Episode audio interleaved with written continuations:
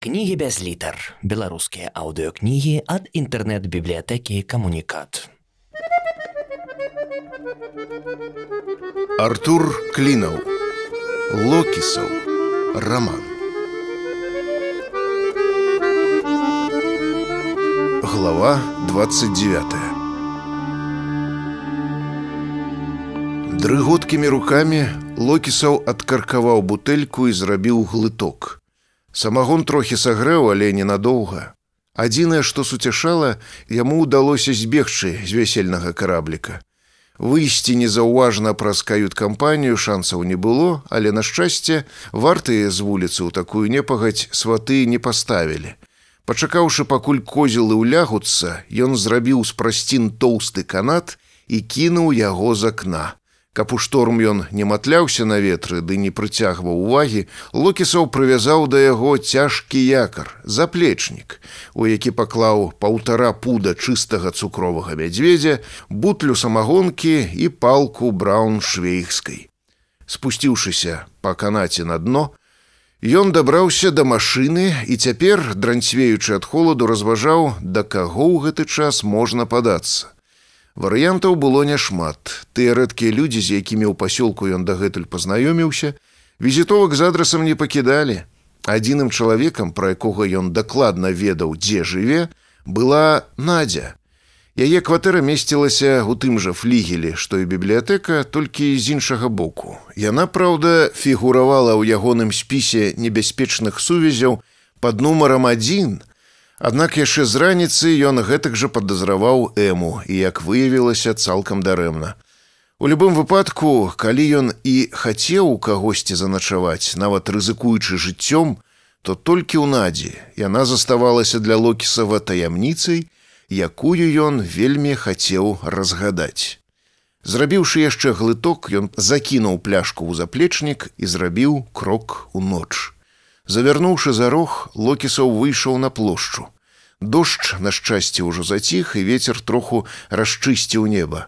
Поўня вісела над вялікай хмарай, кантрапунктам выразаючы па яе краях мудрагелістыя фігуры, якія нагадвалі задраныя да неба звярыныя пашчы. Локісаў прыслухаўся да цішыні, ці няма якіх падазроных гукаў. Наўкол было цёмна і пуста толькі бляклая лямпачка асвятляла ганак цэнтральнага гастранома. Вялікая літара Л, шырока расставіўшы нажышчы, з дакорам пазірала на яго з пастамента. Цяпер гэта быў ужо і выліць і выліць і выліць, а вялікі каменны камандор, а ён сам збеглы жаніх, нягеглы дон Джавані трэцяга рангу ў адстаўцы. Локісаў злосна сплюнуў, і хуткім крокам накіраваўся ў бок замка. Прайшоўшы метраў 300 па вуліцы савецкай, ён агледзеўся. Пакуль усё выглядала спакойна, але наперадзе з-за рога выйшаў вялікі сабака. Локісаў тут жа прыгадаў гісторыю, прачытаную напярэдадні. У мічыгане нехта РФ распавёў, як уначы на яго напалі пяць велізарных сабак, Аднаго з іх ён падстрэліў, тады самы люты са звяроў падняўся на заднія лапы і ухмыльнуўся яму. Фэ ахапіў такі жах, што ён у паніцы залез на дрэва, тады ўсе сабакі ўсталі на заднія лапы і пачалі кідаць у яго камяні. Добра, што ў гэты час на вуліцы праязджала пажарная машына, звяры спалухаліся і ўцяклі. Вырашыўшы не спакушаць лёс, Лукісаў павярнуў направа, і рушыў да замка па паралельнай вуліцы касманаўтаў.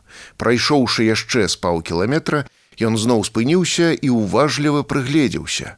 Святло ўжо нідзе не гарэла, толькі пару катоў назіралі за ім з узбочын. Да замка заставалася яшчэ якіх метраў 500. Глынуўшы крыху для адвагі, ён істотна паскорыўся. Наперадзе ляжала самае небяспечнае месца, старыя могілкі. Наблізіўшыся да іх локісаў ужо не ішоў, а амаль бег уздоўж агароджы.